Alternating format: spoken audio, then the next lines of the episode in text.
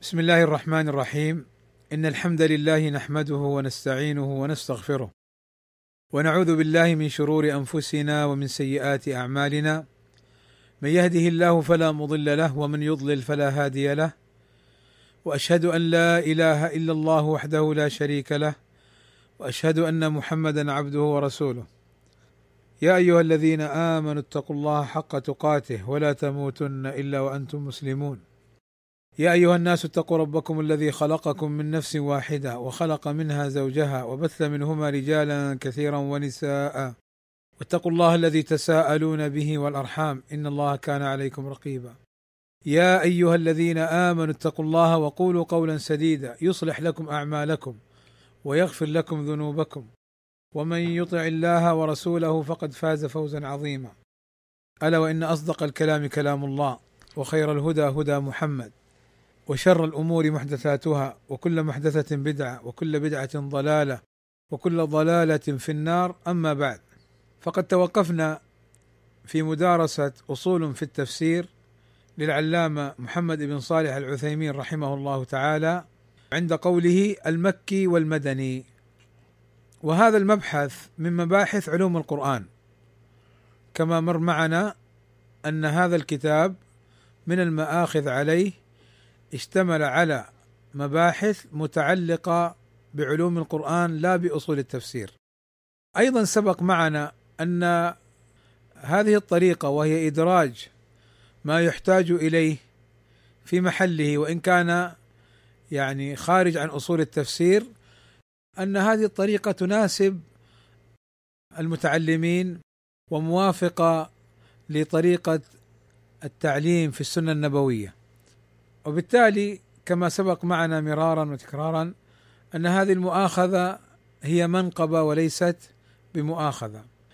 المكي والمدني اهتم العلماء بمعرفة ما نزل من القرآن زمنا ومكانا وتاريخا وكل ما يتعلق بالقرآن. وهذا دلالة على حرص الصحابة رضوان الله عليهم وحرص من بعدهم من العلماء على جمع وتقرير وتقعيد كل ما يتعلق بالقرآن وهذا من حفظ الله عز وجل للقرآن. حتى أين نزل ومتى نزل وعلى من نزل هو مدون ومكتوب ومنقول نقلا معتبرا عند أهل العلم على حسب الروايات. المكي والمدني اختلف العلماء في المكي والمدني. يعني متى تكون السورة أو الآية مكية؟ ومتى تكون السورة أو الآية مدنية؟ فمنهم من نظر إلى مكان النزول. فما نزل في مكة قيل له مكي وما نزل في المدينة قيل له مدني. لكن إشكالية هذا الضابط أنه توجد آيات نزلت في غير مكة والمدينة. فماذا تسمى؟ وبالتالي هذا الضابط عندهم غير معتبر أو فيه قصور.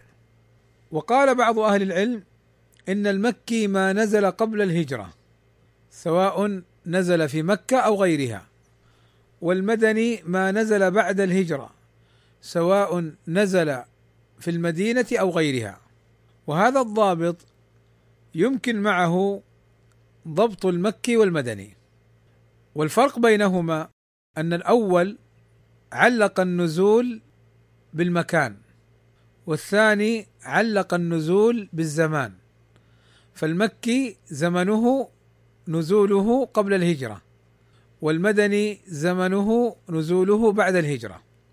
والقرآن كما نعلم أنه نزل في سنوات متعددة 23 سنة فلم ينزل جملة واحدة كما في الكتب السابقة.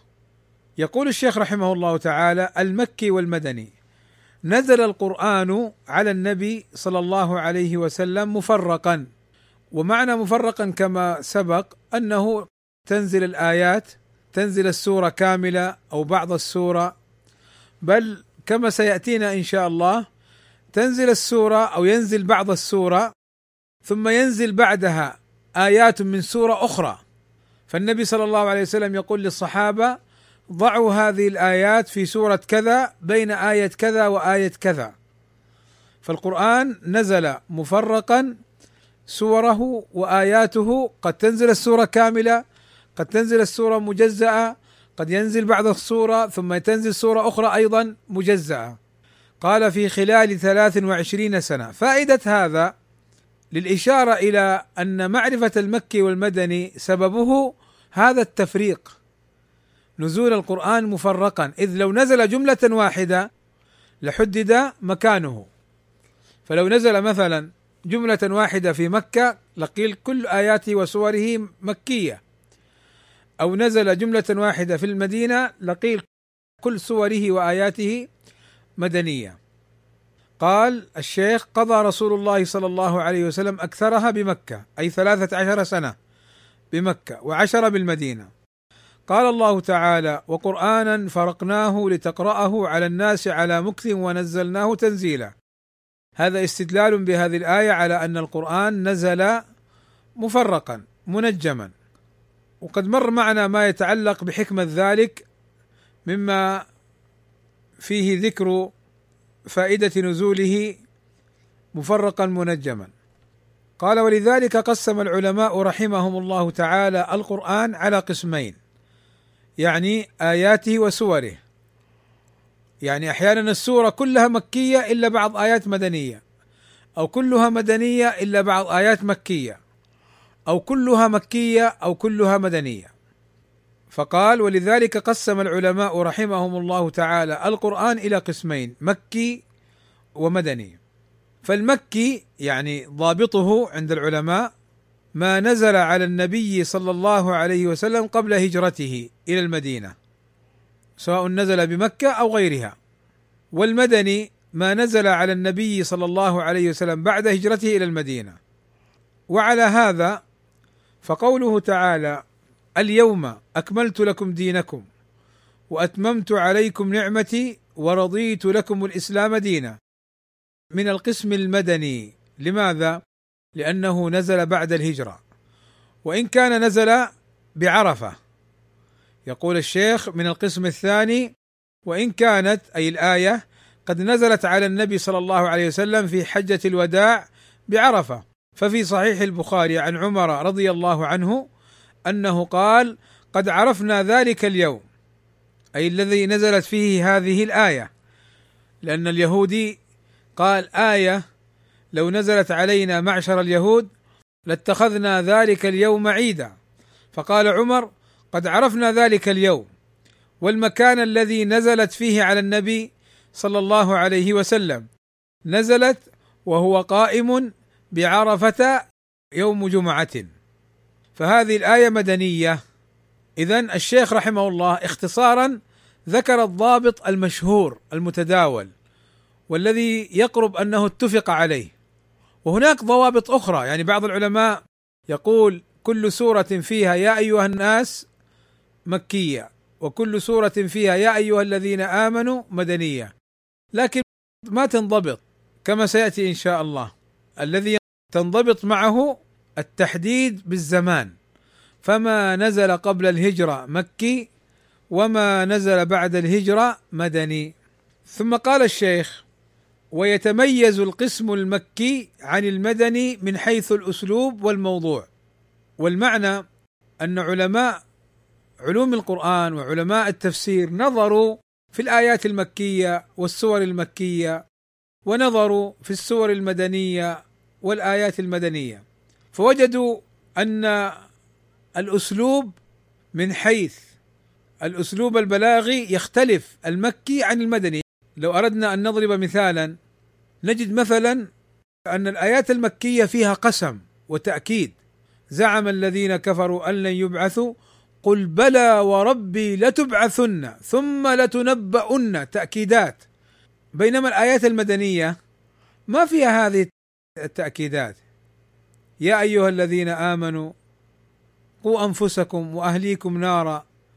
طبعا هنا قال العلماء لما كان الخطاب المكي قبل الهجرة لمنكري النبوة ومنكري البعث ومكذبين للنبي صلى الله عليه وسلم وخطاب للكفار كان هناك تأكيدات وأسلوب جازم.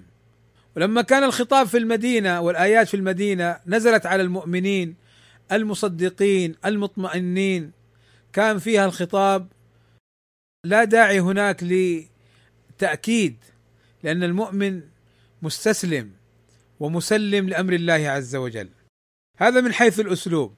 وأما من حيث الموضوع فواضح جدا أن الآيات المكية فيها إثبات البعث فيها إثبات الألوهية لله عز وجل واستحقاقه للعبادة فيها مخاصمة المشركين والكافرين وجدالهم بالتي أحسن فيها مثلا تقرير النبوة والرسالة إلى غير ذلك من العلامات والمواضيع.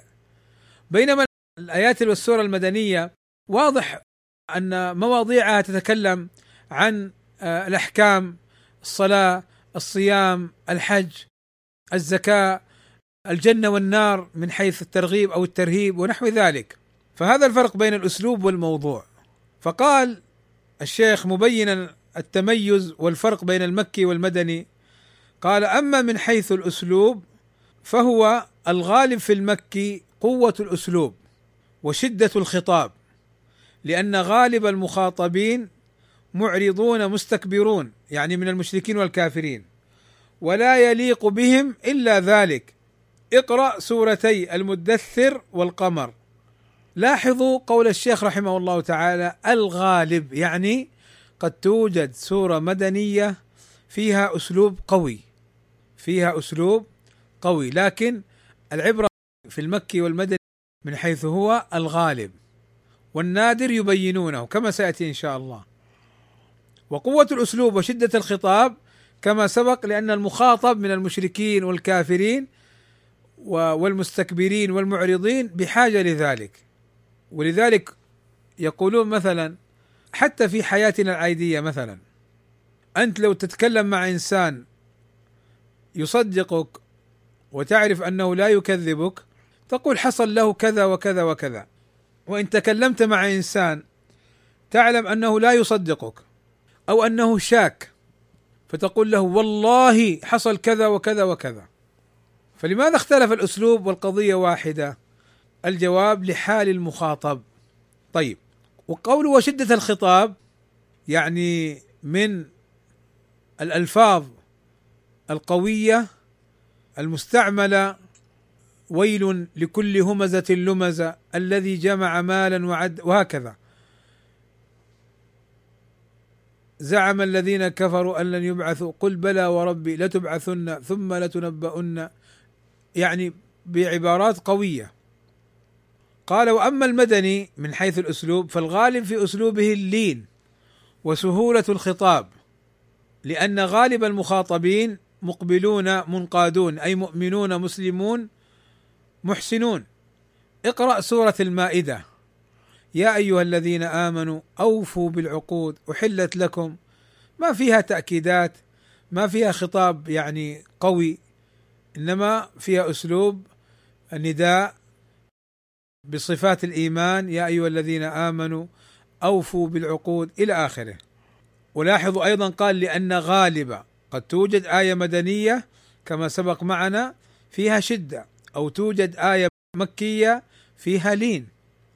طيب الثاني الغالب في المكي قصر الآيات وقوة المحاجة لأن غالب المخاطبين معاندون مشاقون فخوطبوا بما تقتضيه حالهم.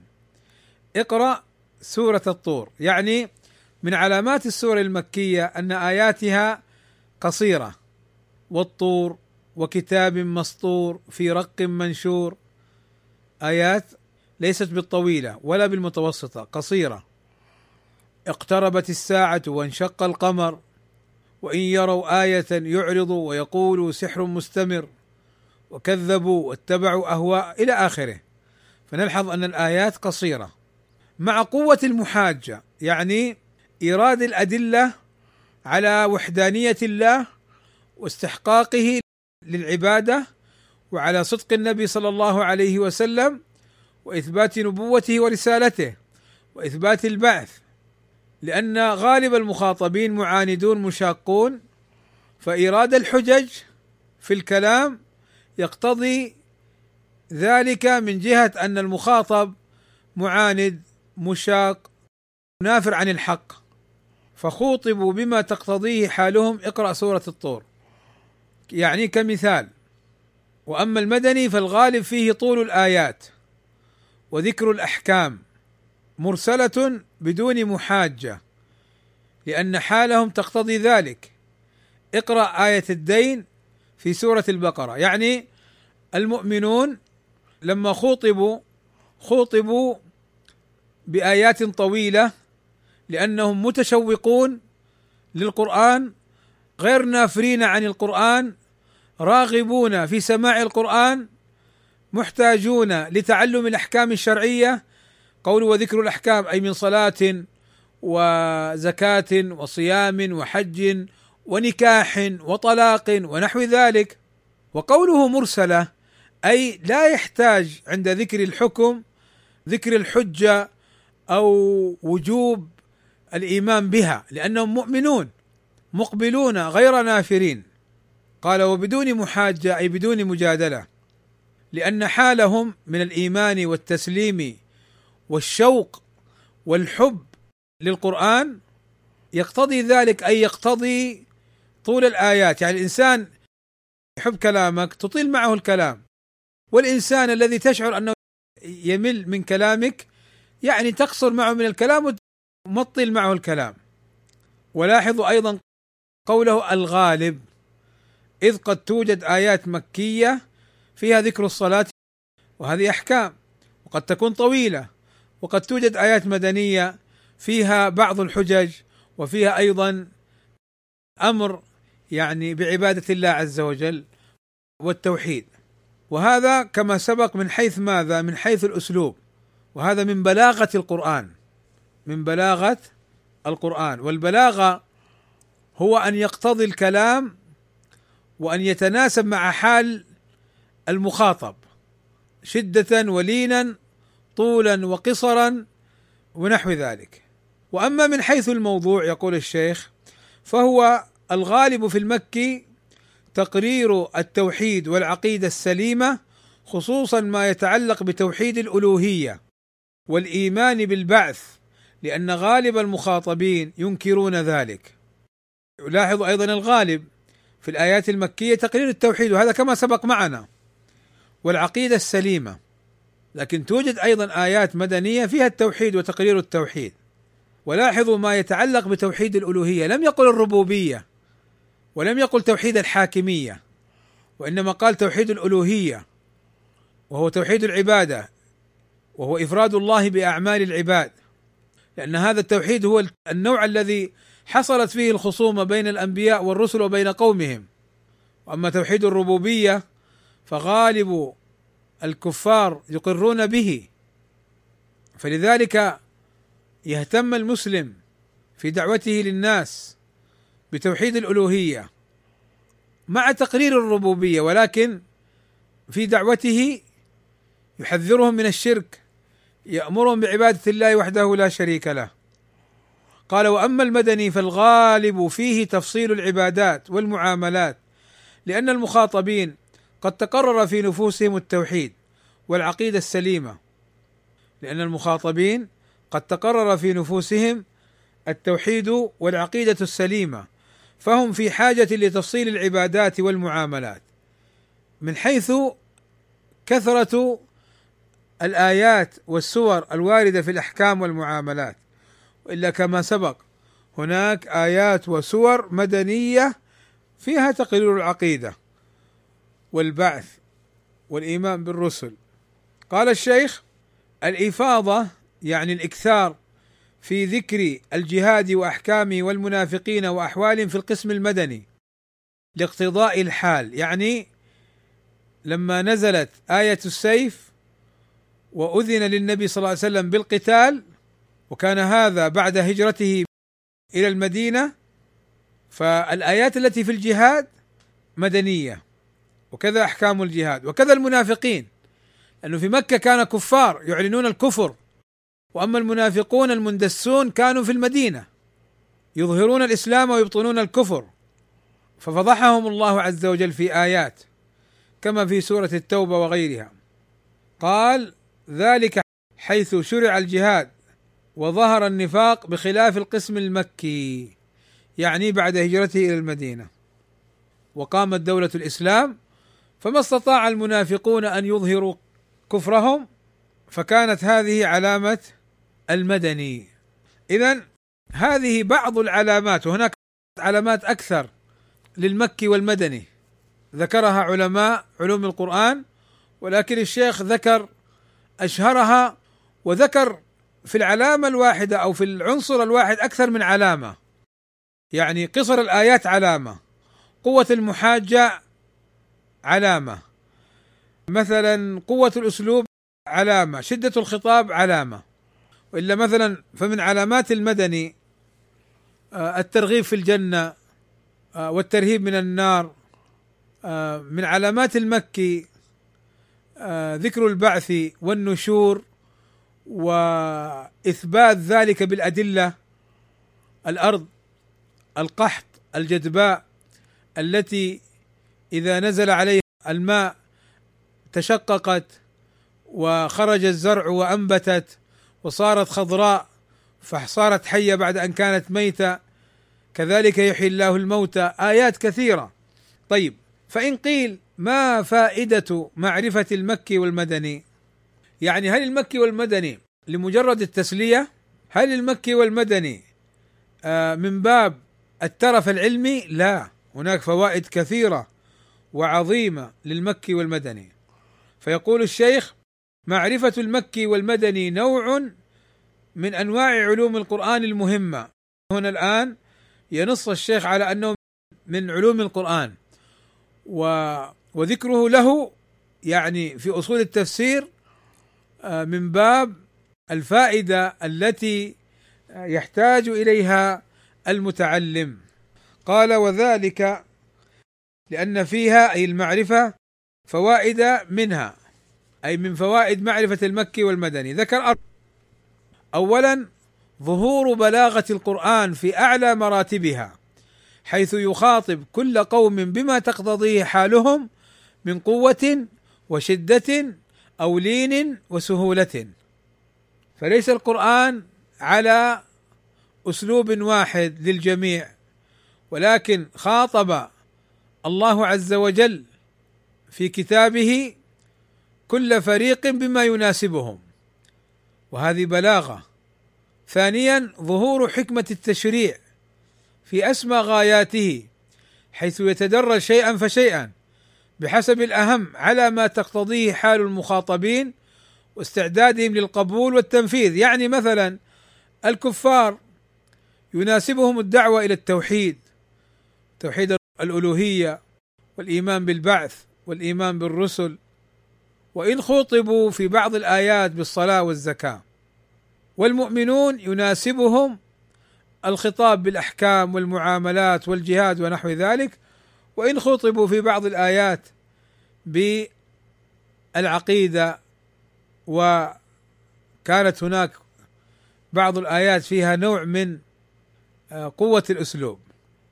ثلاثة تربية الدعاة إلى الله وتوجيههم إلى أن يتبعوا ما سلكه القرآن في الأسلوب والموضوع من حيث المخاطبين بحيث يبدأ بالأهم فالأهم وتستعمل الشدة في موضعها والسهولة في موضعها. يعني ما تأتي لأناس يطوفون حول القبور ويذبحون لها وتكلمهم مثلا عن تحريم الدخان وتكلمهم مثلا عن تقليم الأظافر لا. والأهم أن تدعوهم إلى التوحيد وإلى إفراد الله بالعبادة وأن لا يطوفوا حول القبور وأنهم لا ينفعونهم بشيء وأن الأمر كله بيد الله عز وجل. وأن هؤلاء أموات لا يملكون لأنفسهم نفعا ولا ضرا. ولاحظ أيضا أن الشيخ قال وتستعمل الشدة في موضعها والسهولة في موضعها فهذا فيه تقرير للمنهج القرآني وهو أيضا منهج نبوي ومنهج سلفي أن الشدة في موضعها حكمة والسهولة في موضعها حكمة وينبني على ذلك. أن الشدة في غير موضعها غلو وتجاوز للحد وأن السهوله في غير موضعها تضييع للحق. وإن بني على ذلك أن من يطالب الناس أو الدعاة أو طلاب العلم أو السلفيين أن يكون كلامهم كله سهولة ولين وما في ردود وخلينا أخوان ونحن مؤمنين وأتمنى لهم الخير. يا أخي ما أنت أحسن من من الله عز وجل ومن الصحابة ومن النبي صلى الله عليه وسلم. الله عز وجل في كتابه العظيم خاطب الكفار المعاندين بهذا الأسلوب الشديد لأنهم يحتاجون إلى ذلك. بل أيضا في مواطن خاطب المؤمنين بشدة. وتعجب ممن ينادي باللين والسهولة مع المخالفين وهو شديد متعسف على السلفيين. يعني مثل ما يقال تجي تفهم ما تقدر. في الوقت الذي ينادي فيه بالسهولة واللين وترفقوا بالناس لسانه لاذع مع إخوانه السلفيين. وهذا نذير سوء ويخشى على صاحبه. رابعا تمييز الناسخ من المنسوخ. فيما لو وردت آيتان مكية ومدنية. يتحقق فيهما شروط النسخ. فإن المدنية ناسخة للمكية. لتأخر المدنية عنها. يعني من فوائد معرفة المكي والمدني من جهة معرفة الناسخ والمنسوخ. وذلك بأن تتعارض آيتان. لا يمكن الجمع بينهما بأن تتعارض آيتان. لا يمكن الجمع بينهما. ونعرف أن هذه مكية وهذه مدنية فنقول المدنية ناسخة للمكية. لماذا؟ لأن من شرط النسخ معرفة التاريخ. ولذلك قال الشيخ يتحقق فيهما شروط النسخ من جهة التعارض وعدم إمكانية الجمع ومن جهة أيضا معرفة التاريخ فالآية المكية متقدمة والآية المدنية متأخرة فالمدني ينسخ المكي إن تعارض ولم يمكن الجمع. أيضا من فوائد معرفة المكي والمدني بيان شدة اهتمام السلف الصالح بكل ما يتعلق بالقرآن. كما سبق من أنواع علوم القرآن معرفة الحضر والسفر يعني ما نزل في الحضر في المدينة وما نزل في السفر بل عندهم الصيفي والشتائي ما نزلت في آيات أو سور في فصل الشتاء أو نزلت في فصل الصيف بل عندهم الليل والنهار ما نزل في الليل أو في النهار بل عندهم ما نزل أيضا يعني على فراش النبي صلى الله عليه وسلم كله موجود. كله موجود ومنقول. الحكمة من نزول القرآن مفرقا. طيب قبل هذا هناك مؤلفات في المكي والمدني. هناك مؤلفات في المكي والمدني. وهناك أيضا روايات عن ابن عباس وغيره في التنصيص على أن هذه الآيات مكية أو السور مكية أو مدنية. وهناك أيضا رسائل علمية في المكي والمدني. وكلها مطبوعة وموجودة.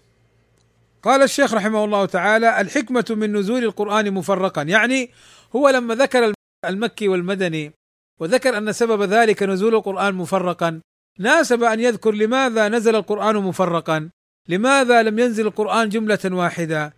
ما فائدة نزول القرآن في ثلاث وعشرين سنة؟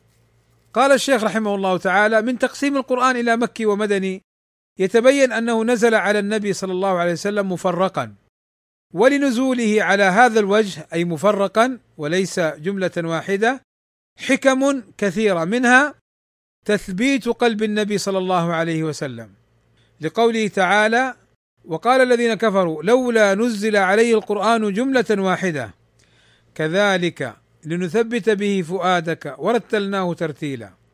كذلك يعني كذلك نزلناه مفرقا.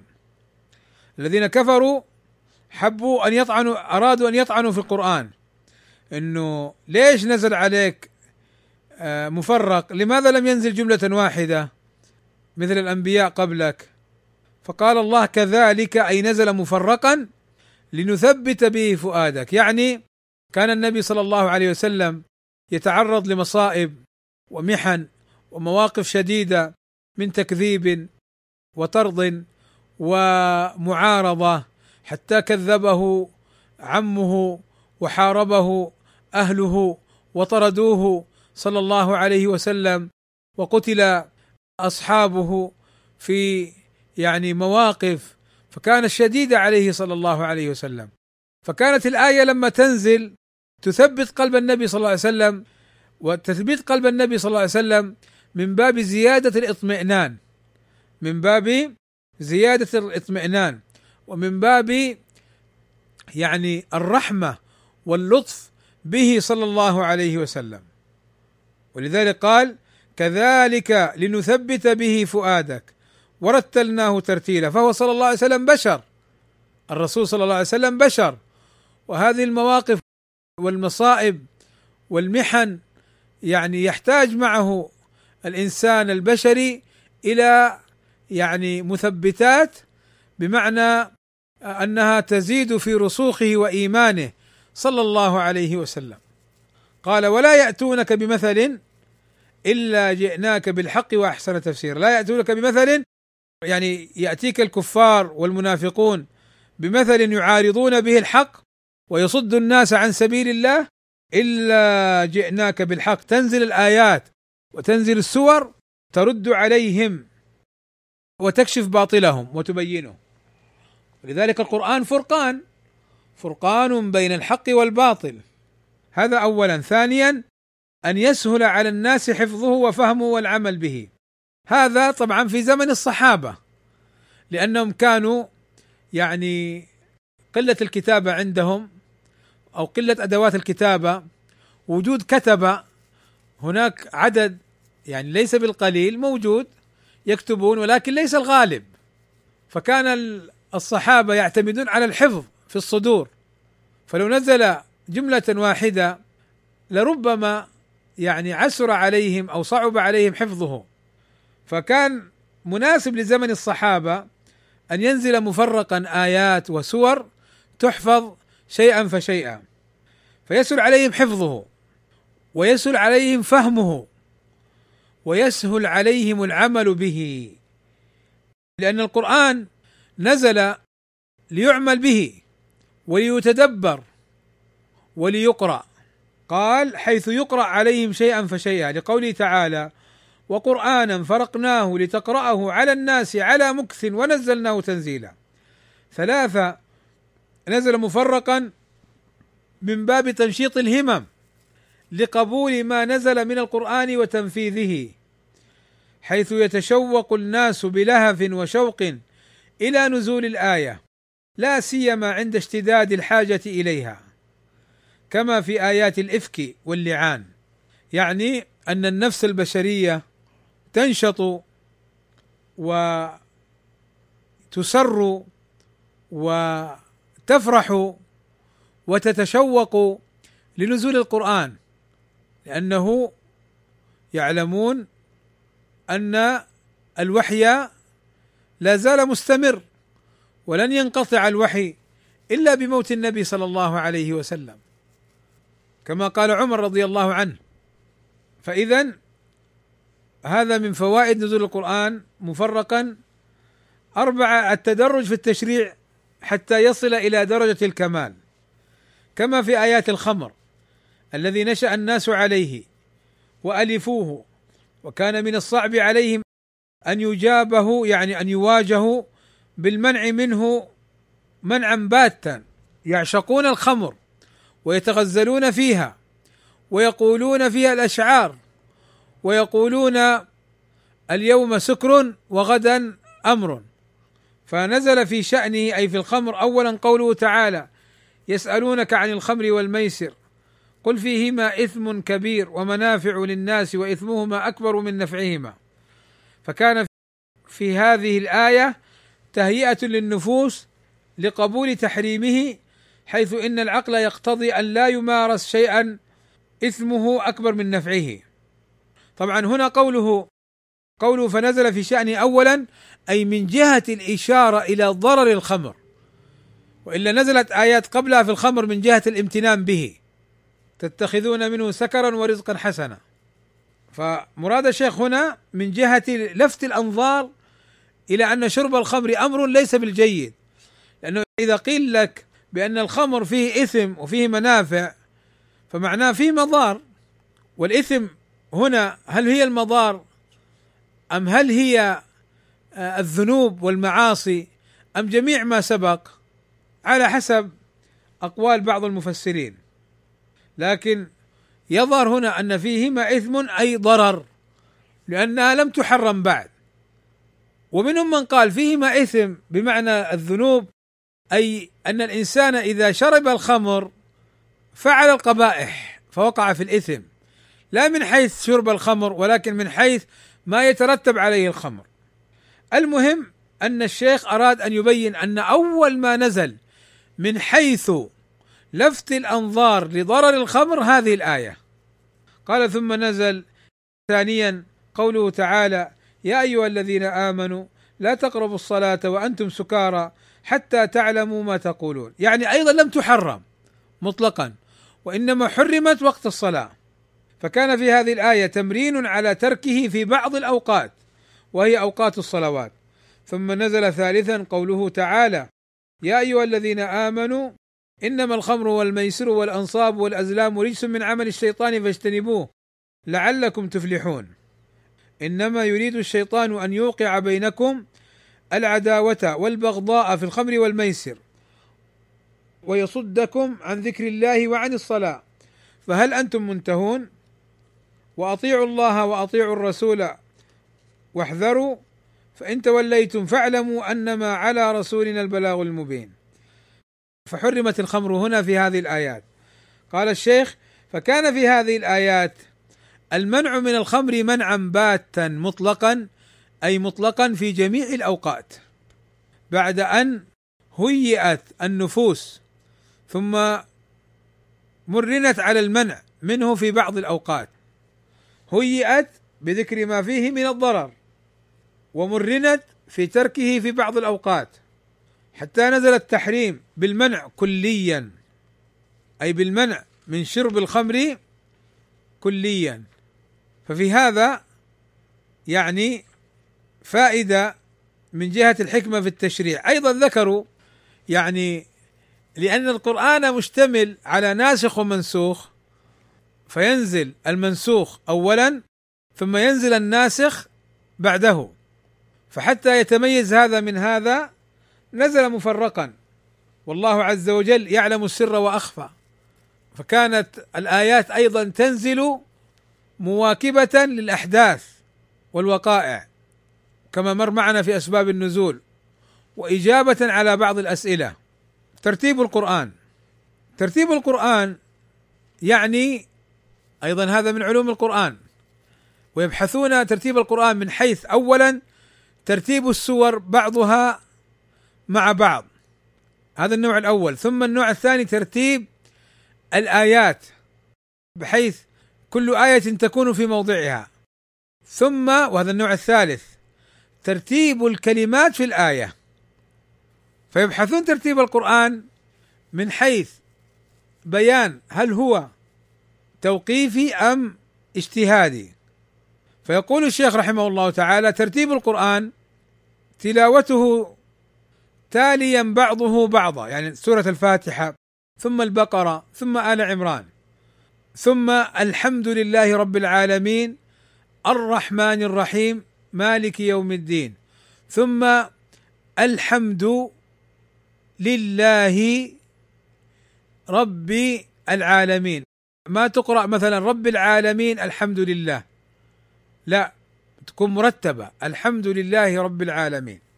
قال حسب ما هو مكتوب في المصاحف ومحفوظ في الصدور. هنا قوله حسب ما هو مكتوب في المصاحف إشارة إلى مسألة وهي أن المصحف وقع إجماع الصحابة على ما هو عليه في ترتيبه من حيث السور ومن حيث الآيات ومن حيث الكلمات لا يجوز خرق الإجماع.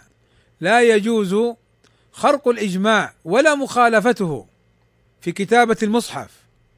فلذلك قال حسب ما هو مكتوب في المصاحف أي التي أجمع عليها الصحابة. قال ومحفوظ في الصدور أي تلقته الأمة جيلا بعد جيل. فوقع النقل المتواتر لهذا القرآن على هذه الصورة. قال وهو ثلاثة أنواع أي الترتيب. النوع الأول ترتيب الكلمات بحيث تكون كل كلمة في موضعها من الآية. وهذا ثابت بالنص والإجماع ولا نعلم مخالفا في وجوبه وتحريم مخالفته. فلا يجوز أن يقرأ لله الحمد رب العالمين بدلا من الحمد لله رب العالمين. وهذا واضح لأن القرآن نزل بهذه الصورة وهذا الترتيب وهذه الآية. النوع الثاني ترتيب الآيات بحيث تكون كل آية في موضعها من السورة. وهذا أيضا ثابت بالنص والإجماع وهو واجب على القول الراجح وتحرم مخالفته. ولا يجوز أن يقرأ مالك يوم الدين الرحمن الرحيم. بدلا من الرحمن الرحيم مالك يوم الدين.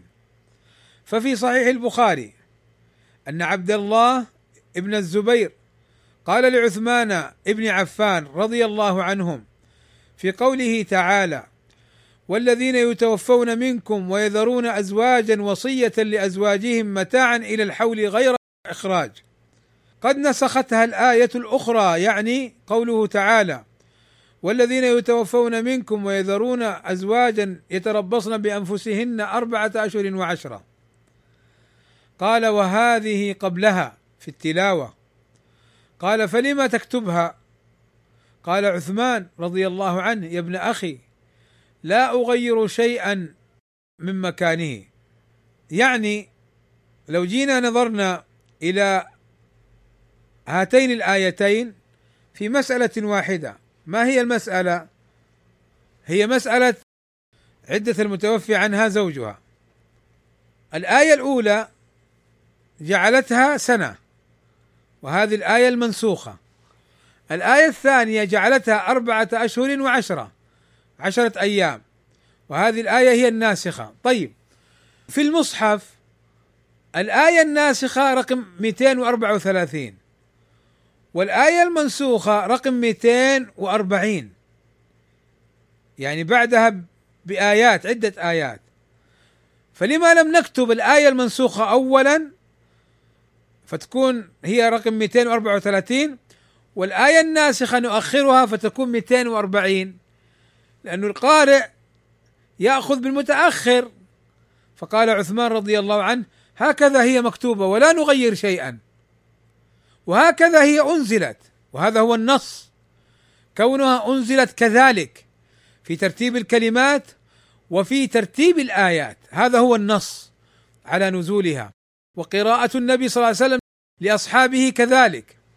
دليل آخر قال وروى الإمام أحمد وأبو داود والنسائي والترمذي من حديث عثمان رضي الله عنه أن النبي صلى الله عليه وسلم كان ينزل عليه السور ذوات العدد يعني الطويلة. فكان إذا نزل عليه الشيء دعا بعض من كان يكتب. وهؤلاء الذين يسميهم العلماء آه، كتاب الوحي. كمعاوية وابن مسعود وأبي وزيد وغيرهم. فيقول ضعوا هذه الآيات في السورة التي يذكر فيها كذا وكذا. فهذا نص على أن ترتيب الآيات توقيفي. ومعنى كونه توقيفا أي ماخوذا عن النبي صلى الله عليه وسلم. النوع الثالث ترتيب السور بحيث تكون كل سورة في موضعها من المصحف. وهذا ثابت بالاجتهاد فلا يكون واجبا. وفي صحيح مسلم عن حذيفة بن اليمان رضي الله عنه أنه قال أنه أي حذيفة صلى مع النبي صلى الله عليه وسلم ذات ليلة. فقرأ النبي صلى الله عليه وسلم البقرة ثم النساء ثم آل عمران. وروى البخاري تعليقا عن الأحنف أنه قرأ في الأولى بالكهف وفي الثانية بيوسف أو يونس. وذكر أنه صلى مع عمر بن الخطاب الصبح بهما. قال شيخ الإسلام ابن تيمية تجوز قراءة هذه قبل هذه أي السورة. وكذا في الكتابة ولهذا تنوعت مصاحف الصحابة رضي الله عنهم في كتابتهما. لكن لما اتفقوا على المصحف في زمن عثمان رضي الله عنه صار هذا مما سنه الخلفاء الراشدون. وقد دل الحديث على أن لهم سنة يجب اتباعها. يعني أن ترتيب السور. هناك من أهل العلم من يرى أن ترتيب السور مأخوذ عن النبي صلى الله عليه وسلم. وهناك من أهل العلم من يرى أنه اجتهادي. طيب ما دليل من يرى أنه اجتهادي؟ دليله أن النبي صلى الله عليه وسلم قرأ البقرة ثم النساء ثم آل عمران. والموجود عندنا في المصاحف سورة البقرة ثم آل عمران ثم النساء. وكذلك الكهف هي بعد يوسف ويونس. فدل هذا على أن ترتيبها غير غير ملزم. فممكن تقرأ هذه وممكن تقرأ قبل هذه. طيب الذين يقولون أن القرآن توقيفي في ترتيب السور يجيبون على أن هذا كان في بداية الأمر ثم استقر على الترتيب الذي أجمع عليه الصحابة. لأن زيد بن ثابت رضي الله عنه هو الذي شهد العرض الأخيرة التي درس فيها جبريل عليه السلام القرآن مع النبي صلى الله عليه وسلم. فكتبه كما في العرض الأخيرة. عموما المسألة خلافية كما ذكر الشيخ رحمه الله تعالى وكأن شيخ الإسلام ابن تيمية رحمه الله تعالى يشير إلى أن الأفضل قراءة السور بالترتيب الموجود في المصحف. ولكن إن قرأت بتقديم بعضها على بعض فلا حرج في ذلك ولا بأس. والله أعلم. وبعد أن تكلم عن ترتيب المصحف سيتكلم الشيخ أيضا وهذا من علوم القرآن عن كتابة القرآن وجمعه. كيف بدأ؟ ولماذا جمع القرآن؟ وكيف كان القرآن عند موت النبي صلى الله عليه وسلم؟ هل جمع كاملا في حياته أم لا؟ وكم مرة جمع فيها القرآن؟ وما أسباب ذلك؟ وهذا إن شاء الله ما سيكون في اللقاء القادم بإذن الله تعالى. وأكتفي بهذا القدر وصلى الله وسلم على نبينا محمد وعلى آله وصحبه أجمعين والحمد لله رب العالمين.